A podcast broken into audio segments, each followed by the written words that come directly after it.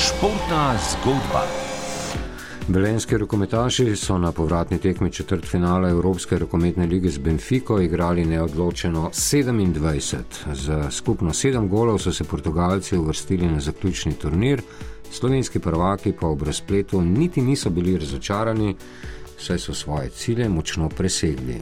Uroš Vovk. Presenetljivo globoko v pomladi se je končala evropska klubska sezona za Velenčane šele po 14 tekmah v družbi precej bogatejših in predvsem ambicioznejših klubov. Imeniten, lahko bi rekli, nadrealen dosežek za skromno realnost slovenskega klubskega rokometa, ki je prav letos ostal brez predstavnika v elitni ligi prvakov in se moral zgodaj že v kvalifikacijah za to tekmovanje ob skromnem položaju na kakovostni lestvici posloviti od celjanov in trebancev. Velenčani, ki za novo domačo zvezdico nimajo možnosti, so bili v tej Evropski ligi več kot le dostojen tekmec z bogatim favoritom.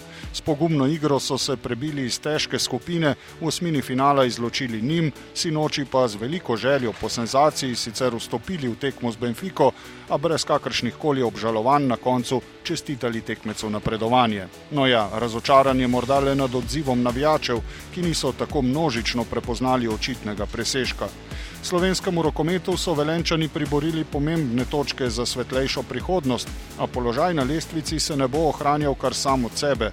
Prvenstvo je morda vse bolj izenačeno in manj previdljivo, a takšni izenačenosti bi se zlahka odrekli. V slovenskih klubih že leta znižujejo proračune, že v Evropski ligi, prej pokalu Evropske zveze, ki smo jo razvajeni z zlatimi leti še v tem tisočletju gledali bolj zviška, se zdaj veselimo vsake zmage ali remija kot suhega zlata. Z ljubosumjem pogledujemo proti Slavoniji, kjer imajo v malih našicah celo polfinalista Evropske lige. Trener Branko Tamšek je tlakoval pot Evropskemu velenju, ima menda na voljo več denarja, kot bi ga imel v katerem koli vodilnem slovenskem klubu.